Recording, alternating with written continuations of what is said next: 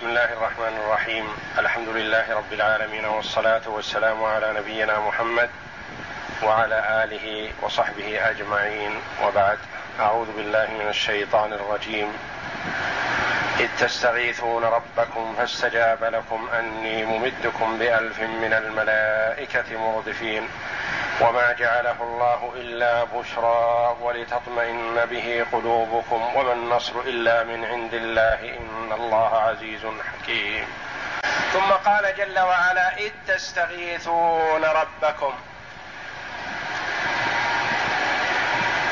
اذ هذه تكررت اذ يعدكم الله احدى الطائفتين اذ تستغيثون ربكم إذ يغشيكم النعاس هذه قضايا يذكر الله جل وعلا بها عباده نعم مترادفه في هذه الغزوه العظمى غزوه بدر الكبرى التي اظهر الله جل وعلا بها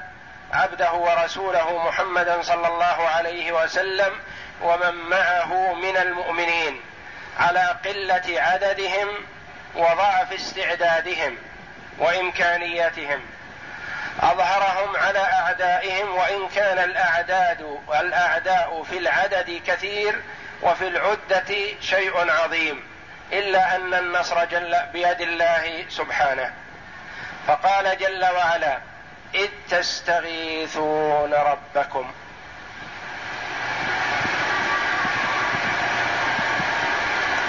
روى ابن عباس رضي الله عنه عن عمر بن الخطاب رضي الله عنه ان النبي صلى الله عليه وسلم نظر ليله بدر التي هي الليله السابعه عشره من رمضان ليله الجمعه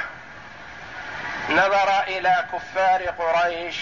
فاذا هم الف او يزيدون ومعهم السلاح والعتاد والخيل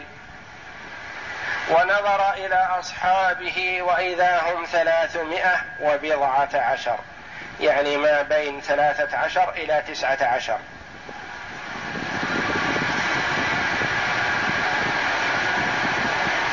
وليس معهم من العده مثل ما مع اعدائهم فجار النبي صلى الله عليه وسلم الى ربه وكان عليه قميصه ورداءه فأخذ عليه الصلاة والسلام يرفع يديه متوجها إلى القبلة يمد يديه يسأل ربه ويتضرع إليه اللهم أنجز لي ما وعدتني اللهم إن تهلك هذه العصابة لا تعبد في الأرض ويجأر إلى ربه جل وعلا والله جل وعلا يسمع دعاءه ويراه ومن شده رفعه ليديه عليه الصلاه والسلام سقط رداءه خلفه من على كتفيه فاشفق ابو بكر رضي الله عنه على النبي صلى الله عليه وسلم من شده ما يجأر الى ربه فاخذ رداء النبي صلى الله عليه وسلم ووضعه على كتفيه والتزمه من خلفه وقال كفاك يا رسول الله مناشدتك ربك فان الله منجز لك ما وعدك فانزل الله جل وعلا اذ تستغيثون ربكم فاستجاب لكم اني ممدكم بالف من الملائكه مردفين وما جعله الله الا بشرى ولتطمئن به قلوبكم وما النصر الا من عند الله ان الله عزيز حكيم فالتفت رسول الله صلى الله عليه وسلم لابي بكر بعدما اغفى اغفاءه اخذه شبه النعاس وهو في العريش عليه الصلاه والسلام ثم انتبه من هذه فنظر الى ابي بكر فقال ابشر قد صدق الله وعده جاء المدد من السماء نزلت عليه هذه الايه اذ تستغيثون ربكم فعرف انها البشاره من الله جل وعلا بالمدد من السماء فنزل مع جبريل عليه السلام خمسمائة مقاتل من الملائكة ومع ميكائيل خمسمائة مقاتل من الملائكة وروي أنه نزل مع كل واحد منهم ألف وهذا راجع إلى اختلاف المفسرين رحمهم الله في تفسير قوله تعالى مردفين أهم ألف يردفهم ألف آخر أم ألف متتابعين يأتون دفعة بعد دفعة فوجا بعد فوج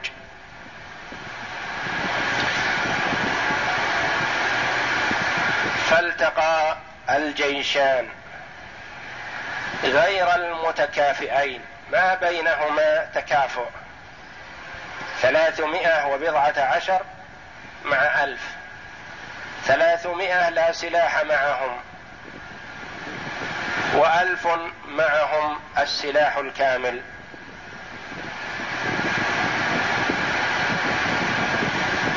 فبادرت الملائكة عليهم السلام بأمر ربهم جل وعلا في قتال الكفار مع المسلمين يقول عمر رضي الله عنه فكانت المعركه فقتل المسلمون من الكفار سبعين من صناديدهم لأنهم يتخيرون كبراءهم وأسروا منهم سبعين من سادتهم يقول رضي الله عنه فلما انتهت المعركة استشار رسول الله صلى الله عليه وسلم أبا بكر وعمر وعلي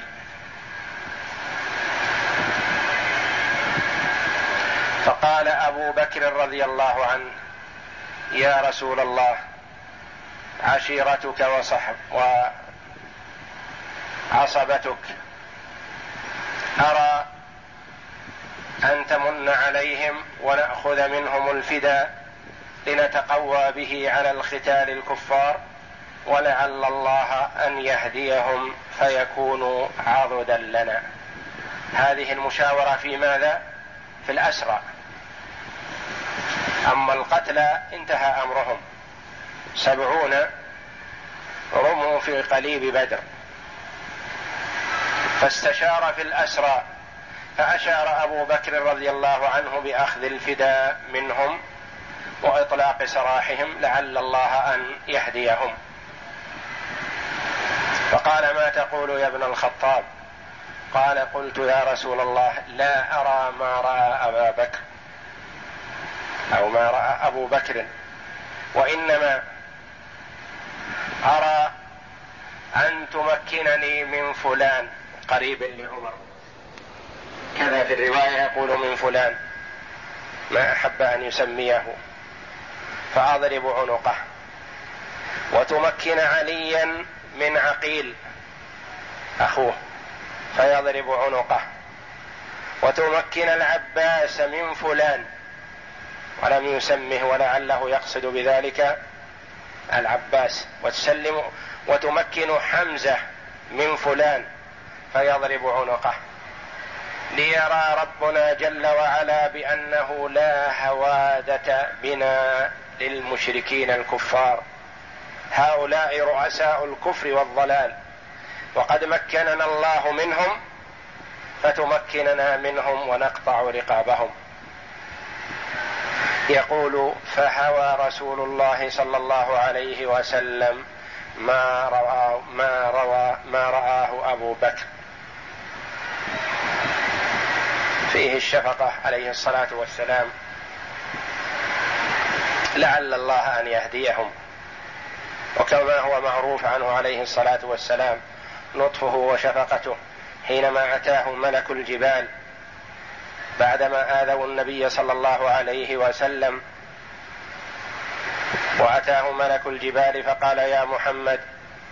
إن الله أرسلني إليك إن شئت أن أطبق عليهم الأخشبين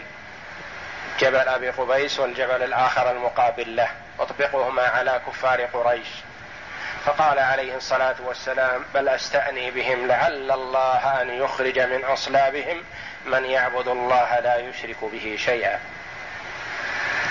فراى رسول الله صلى الله عليه وسلم راي ابي بكر هواه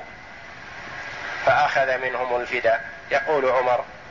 فجئت من الغداه الى ابي الى رسول الله صلى الله عليه وسلم وعنده ابو بكر واذا هما يبكيان فقلت يا رسول الله ما يبكيك وصاحبك فان وجدت بكاء بكيت والا تباكيت لبكائكما يقول فقال رسول الله صلى الله عليه وسلم لقد عرض علي عذاب اصحابك دون هذه الشجره واشار الى شجره قريبه باخذ الفداء وانزل الله جل وعلا ما كان لنبي ان يكون له اسرى حتى يثخن في الارض تريدون عرض الدنيا والله يريد الاخره والله عزيز حكيم وفي روايه ان النبي صلى الله عليه وسلم قال لو نزل عذاب ما نجا منه الا عمر وهذه من موافقاته رضي الله عنه التي وافقه فيها القرآن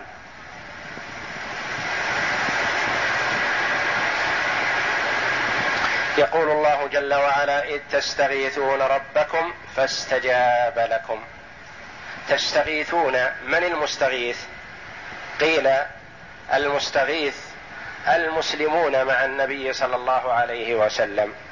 وقيل المستغيث هو الرسول صلى الله عليه وسلم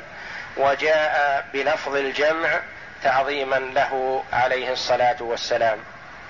فاستجاب لكم اني ممدكم بالف من الملائكه روي انه ما قاتلت الملائكه مع المسلمين الا في يوم بدر فقد قاتلت الملائكه وباشرت القتال مع المسلمين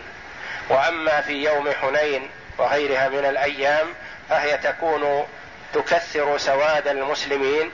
وتشجعهم وتقوي عزائمهم ولم تكن تقاتل معهم وانما تقدمت للقتال في يوم بدر فيما روى احد الصحابه رضي الله عنه قال انه كان يشتد في اثر شخص من الكفار يريد قتله يقول فبينما انا في اثره إذ سمعت ضربة السوط ضربة سوط على وجهه فسقط ميتا وسمعت من أثر ضربة هذا السوط قائلا يقول أقدم حيزوم فأخبر النبي صلى الله عليه وسلم بذلك فقال صدقت ذاك من مدد السماء الثالثة لأن المدد الذي جاء من السماوات السبع ذاك من مدد السماء السابعة الثالثة فكان هذا المشرك قتل بسوط الملك قبل أن يصل إليه المسلم فالملائكة باشرت القتال في ذلك اليوم الذي هو يوم بدر فاستجاب لكم اني ممدكم بالف من الملائكه مردفين يعني متتابعين يتبع بعضهم بعضا او مردفين بمعنى يردف مع كل ملك ملك فيكون اكثر من الف يعني الف مضاعف مردفين يقول الله جل وعلا وما جعله الله الا بشرى هذه بشاره من الله لكم وتطمينا لقلوبكم وادخال للانس على نفوسكم والا فان الله جل وعلا قادر على نصركم بكلمه بامره جل وعلا يقول للشيء كن فيكون ولا يحتاج الى سلاح ولا الى عتاد ولا الى شيء من ذلك كما حصل في بعض المواقع ومن ذلك وقعه الاحزاب نصر الله جل وعلا المؤمنين بالريح والملائكه بدون ان يكون هناك قتال من المسلمين وما جعله الله الا بشرى يعني هذا المدد بشاره لكم وتطمينا لقلوبكم وما جعله الله الا بشرى ولتطمئن قلوبكم ولتط... وما جعله الله الا بشرى ولتطمئن به قلوبكم وما النصر الا من عند الله فالنصر من عند الله لا بكثره العدد ولا بكثره العده والاستعداد وانما هو من الله جل وعلا ان الله عزيز قوي سبحانه لا يغالب فهو ينفذ ما اراده ولا يرد امره ولا احد يعترض على قضائه فما اراده جل وعلا كائن لا محاله وما النصر الا من عند الله ان الله عزيز حكيم يضع الاشياء مواضعها فينصر من يستحق النصر ويذل ويخذل من يستحق الذل والحرمان اقرأ أعوذ بالله من الشيطان الرجيم إذ تستغيثون ربكم فاستجاب لكم أني ممدكم بألف من الملائكة مردفين وما جعله الله إلا بشرى ولتطمئن به قلوبكم وما النصر إلا من عند الله إن الله عزيز حكيم قال العماد بن كثير رحمه الله تعالى قال الإمام أحمد حدثنا أبو نوح قراد حدثنا عكرمة بن عمار حدثنا سماك الحنفي أبو زميل حدثنا ابن عباس حدثني عمر بن الخطاب رضي الله عنه قال لما كان يوم بدر نظر النبي صلى الله عليه وسلم إلى أصحابه وهم ثلاثمائة ونيف ونظر إلى المشركين فإذا هم ألف وزيادة فاستقبل النبي صلى الله عليه وسلم القبلة وعليه رداؤه وإزاره ثم قال اللهم أنجز لي ما وعدتني اللهم إن تهلك هذه العصابة من, ال... من أهل الإسلام فلا تعبد في الأرض أبدا قال فما زال يستغيث ربه ويدعوه حتى سقط رداؤه عن منكبيه فأتاه أبو بكر فأخذ رداءه فأخذ رداءه فرد فرده ثم التزمه من ورائه ثم قال يا نبي الله كفاك مناشدتك ربك فإنه سينجز لك ما وعدك فأنزل الله عز وجل إذ تستغيثون ربكم فاستجاب لكم أني ممدكم بألف من الملائكة مردفين فلما كان يومئذ التقوا فهزم الله المشركين فقتل منهم سبعون رجلا وأسر منهم سبعون رجلا واستشار رسول الله صلى الله عليه وسلم أبا بكر وعمر وعليا فقال أبو بكر يا رسول الله هؤلاء بنو العم والعشيرة والإخوان وإني أرى أن تأخذ منهم الفدية فيكون ما أخذناه منهم قوة لنا على الكفار وعسى أن يهديهم الله فيكونوا لنا عضدا فقال رسول الله صلى الله عليه وسلم ما ترى يا ابن الخطاب قال قلت والله ما أرى ما رأى أبو بكر ولكني أرى أن تمكنني من أن تمكنني من فلان قريب لعمر فأضرب عنقه وتمكن عليا من عقيل فيضرب عنقه وتمكن حمزة من فلان أخيه فيضرب عنقه حتى يعلم حتى يعلم الله أن ليس في قلوبنا هوادة للمشركين هؤلاء صناديدهم وأئمتهم وقادتهم فهوى رسول الله صلى الله عليه وسلم ما قال أبو بكر ولم يهو ما قلت وأخذ منهم الفداء فلما كان من الغد قال عمر فغدوت الى النبي صلى الله عليه وسلم وابي بكر وهما يبكيان فقلت يا رسول الله ما يبكيك انت وصاحبك فان وجدت بكاء بكيت وان لم اجد بكاء تباكيت لبكائكما قال النبي صلى الله عليه وسلم للذي عرض على اصحابك من اخذهم الفداء لقد عرض علي عذابكم ادنى من هذه الشجره لشجره قد الارض الى قوله فكلوا مما غنمتم حلالا طيبا فاحل لهم الغنائم فلما كان يوم احد من العام المقبل عوقبوا بما صنعوا يوم بدر من اخذهم الفداء فقتل منهم سبعون وفر اصحاب النبي صلى الله عليه وسلم عن النبي صلى الله عليه وسلم وكسر قتل من الصحابه رضوان الله عليهم في موقعه احد سبعون وهم شهداء احد ومنهم ومعهم سيد الشهداء حمزه بن عبد المطلب رضي الله عنه نعم وكسرت رباعيته وهشمت البيضة على رأسه صلى الله عليه وسلم وسال الدم على وجهه فأنزل الله أولما أصابتكم مصيبة قد أصبتم مثليها قلتم أن هذا قل هو من عند انفسكم ان الله على كل شيء قدير باخذكم الفداء ورواه, ورواه مسلم وأبو داود والترمذي وابن جرير وابن مردويه من طرق عن عكرمة بن عم عن عكرمة بن عمار به وصححه علي بن المديني والترمذي وقال لا يعرف إلا من حديث عكرمة بن عمار اليماني وهكذا روي وهكذا روى علي بن أبي طلحة والعوفي عن ابن عباس أن هذه الآية الكريمة قوله إذ تستغيثون ربكم في دعاء النبي صلى الله عليه وسلم وكذا قال يزيد, يزيد بن تبيع والسدي وابن جريج وقال أبو بكر بن عياش عن أبي حسين عن أبي صالح قال لما كان يوم بدر جعل النبي صلى الله عليه وسلم يناشد ربه أشد المناشدة يدعو فأتى فأتاه عمر بن الخطاب رضي الله عنه فقال يا رسول الله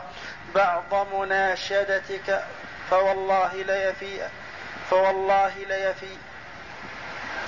فوالله ليفين الله لك بما وعدك قال البخاري في كتاب المغازي باب قول الله تعالى اذ تستغيثون ربكم فاستجاب لكم الى قوله فان الله شديد العقاب حدثنا أبو نعيم حدثنا إسرائيل عن مخارق عن طارق بن شهاب قال سمعت ابن مسعود ابن مسعود قال سمعت ابن مسعود قال سمعت ابن مسعود يقول شهدت من المقداد نعم. شهدت من المقداد بن الأسود مشهدا لأن أكون صاحبه أحب إلي مما عدل به أتى النبي صلى الله عليه وسلم وهو يدعو على المشركين فقال لا نقول كما قال قوم موسى اذهب أنت وربك فقاتلا ولكنا نقاتل عن يمينك وعن شمالك وبين يديك وخلفك فرأيت النبي صلى الله عليه وسلم أشرق وجهه وسره يعني قوله حدثني محمد بن عبد الله بن حوشب حدثنا عبد الوهاب حدثنا خالد الحذاء عن عكرمة عن ابن عباس قال قال النبي صلى الله عليه وسلم يوم بدر اللهم اللهم أنشدك عهدك ووعدك اللهم إن شئت لم تعبد فأخذ أبو بكر بيده فقال حسبك فخرج وهو يقول سيهزم الجمع ويولون الدبر ورواه النسائي ورواه النسائي من عن بندار عن عبد الوهاب عن عبد المجيد الثقفي وقوله تعالى بألف من الملائكة مردفين أن يردف, أن يردف بعض أن يردف بعضهم بعضا كما قال هارون بن هبيرة عن ابن عباس مردفين متتابعين ويحتمل أن المراد مردف مردفين لكم نج لكم أي نجدة لكم كما قال العوفي عن ابن عباس مردفين مردفين يقول المدد كما تقول أنت للرجل زده كذا وك زده كذا وكذا وك وهكذا قال مجاهد وابن كثير القال وابن زيد مردفين ممد ممدين وقال أبو كدينة عن قابوس عن أبيه عن ابن عباس يمددكم ربكم بألف من الملائكة مردفين قال وراء كل ملك ملك وفي رواية بهذا الإسناد مردفين قال بعضهم على إثر بعض وكذا قال أبو ظبيان والضحاك وقتادة وقال ابن جرير حدثني المثنى حدثنا إسحاق حدثنا يعقوب بن محمد الزهري حدثني عبد العزيز بن عمران عن الربعي عن أبي الحويرث عن محمد بن جبير عن علي رضي الله عنه قال نزل جبريل في ألف من الملائكة عن ميمنة النبي صلى الله عليه وسلم وفيها أبو بكر ونزل ميكائيل في ألف من الملائكة عن ميسرة النبي صلى الله عليه وسلم وأنا في الميسرة وهذا يقتضي إن صح الإسناد أن الألف مردفة مردفة بمثلها ولهذا قال بعضهم مردفين بفتح الدال والله اعلم والمشهور ما رواه علي بن ابي طلحه عن ابن عباس قال وامد الله نبيه صلى الله عليه وسلم والمؤمنين بالف من الملائكه فكان جبريل في خمسمائه من الملائكه مج مجنبة مجنبة وميكائيل في خمسمائة مجنبة وروى الإمام أبو جعفر بن جرير ومسلم من حديث عكرمة بن عمار عن أبي زم عن أبي زميل سماك بن وليد الحنفي عن ابن عباس عن عمر الحديث المتقدم ثم قال أبو زميل حدثني ابن عباس قال بين رجل من المسلمين يشتد في اثر رجل من المشركين امامه اذ سمع ضربه بالصوت فوقه وصوت الفارس يقول أقدم حيزوم إذ نظر إلى المشرك أمامه فخر مستلقيا قال فنظر إليه فإذا هو قد حطم وشق وجهه كضربة السوط فأخضر ذلك أجل فأحضر ذلك فأحضر ذلك أجمع يعني ضبطه فاخضر ذلك فأحضر يعني أحضر هذا الذي حصل وضبطه وأخبر به النبي صلى الله عليه وسلم فأحضر ذلك فإذا هو قد حطم وشق وجهه كضربة, كضربة السوط فأحضر ذلك أجمع فجاء الأنصاري فحدث ذلك رسول فحدث, فحدث ذلك رسول الله صلى الله عليه وسلم فقال صدقت ذلك من مدد السماء الثالثة من مدد السماء نعم ذلك من مدد السماء الثالثة فقتلوا يوم فقتلوا يومئذ سبعين وأسروا سبعين وقال البخاري باب شهود الملائكة بدرا حدثنا اسحاق بن ابراهيم حدثنا جرير عن يحيى بن سعيد عن معاذ بن رفاعه بن رافع الزرقي عن أبيه وكان أبوه من أهل بدر قال جاء جبريل إلى النبي صلى الله عليه وسلم فقال ما تعدون أهل بدر فيكم قال من أفضل المسلمين أو كلمة نحوها قال وكذلك من شهد بدرا من الملائكة انفرد بإخراجه البخاري وقد رواه الطبراني في المعجم الكبير من حديث رافع بن خديج وهو خطأ والصواب رواية البخاري والله أعلم وفي الصحيحين أن رسول الله صلى الله عليه وسلم قال لعمر لما شاوره في قتل حاطب بن أبي بلتعة انه قد شهد بدرا وما يدريك لعل الله قد اطلع على اهل بدر فقال اعملوا ما شئتم فقد غفرت لكم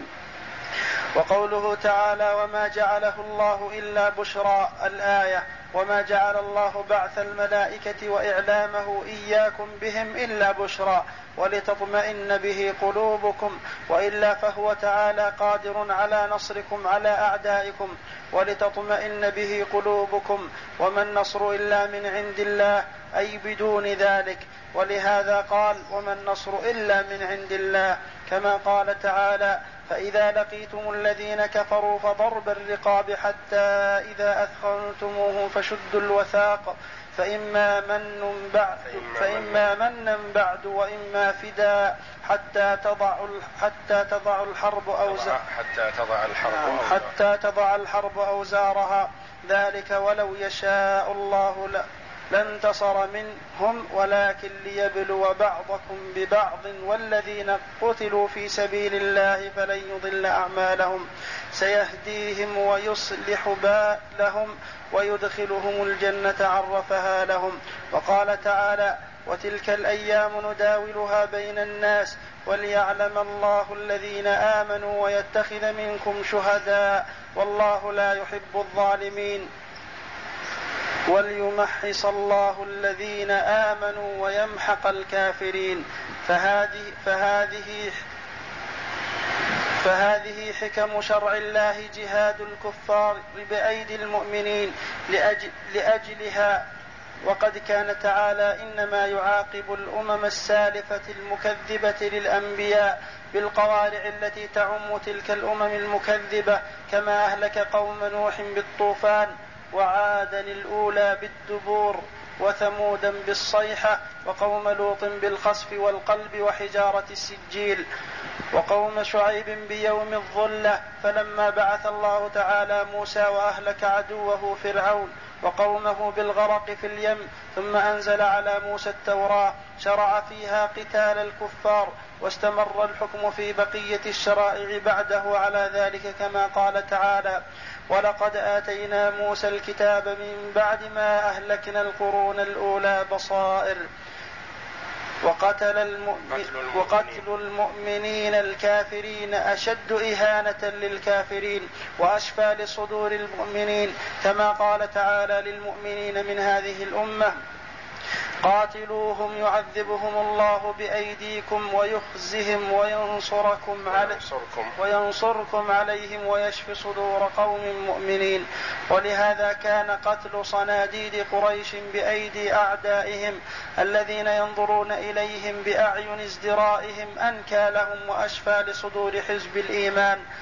فقتل أبو جهل فقتل أبي جهل فقتل أبي جهل في معركة القتال وحومة الوغاء أشد إهانة له من موته على فراشه بقارعة أو صاعقة أو نحو ذلك كما مات أبو لهب لعنه الله بالعدسة بحيث لم يقربه احد من اقاربه وانما غسلوه بالماء قذفا من بعيد ورجموه حتى دفنوه ولهذا قال تعالى ان الله عزيز اي له العزه ولرسوله وللمؤمنين بهما في الدنيا والاخره كقوله تعالى انا لننصر رسلنا والذين امنوا في الحياه الدنيا ويوم يقوم الاشهاد حكيم فيما شرعه من قتال الكفار مع القدره على دماء على دمارهم واهلاكهم بحوله وقوته سبحانه وتعالى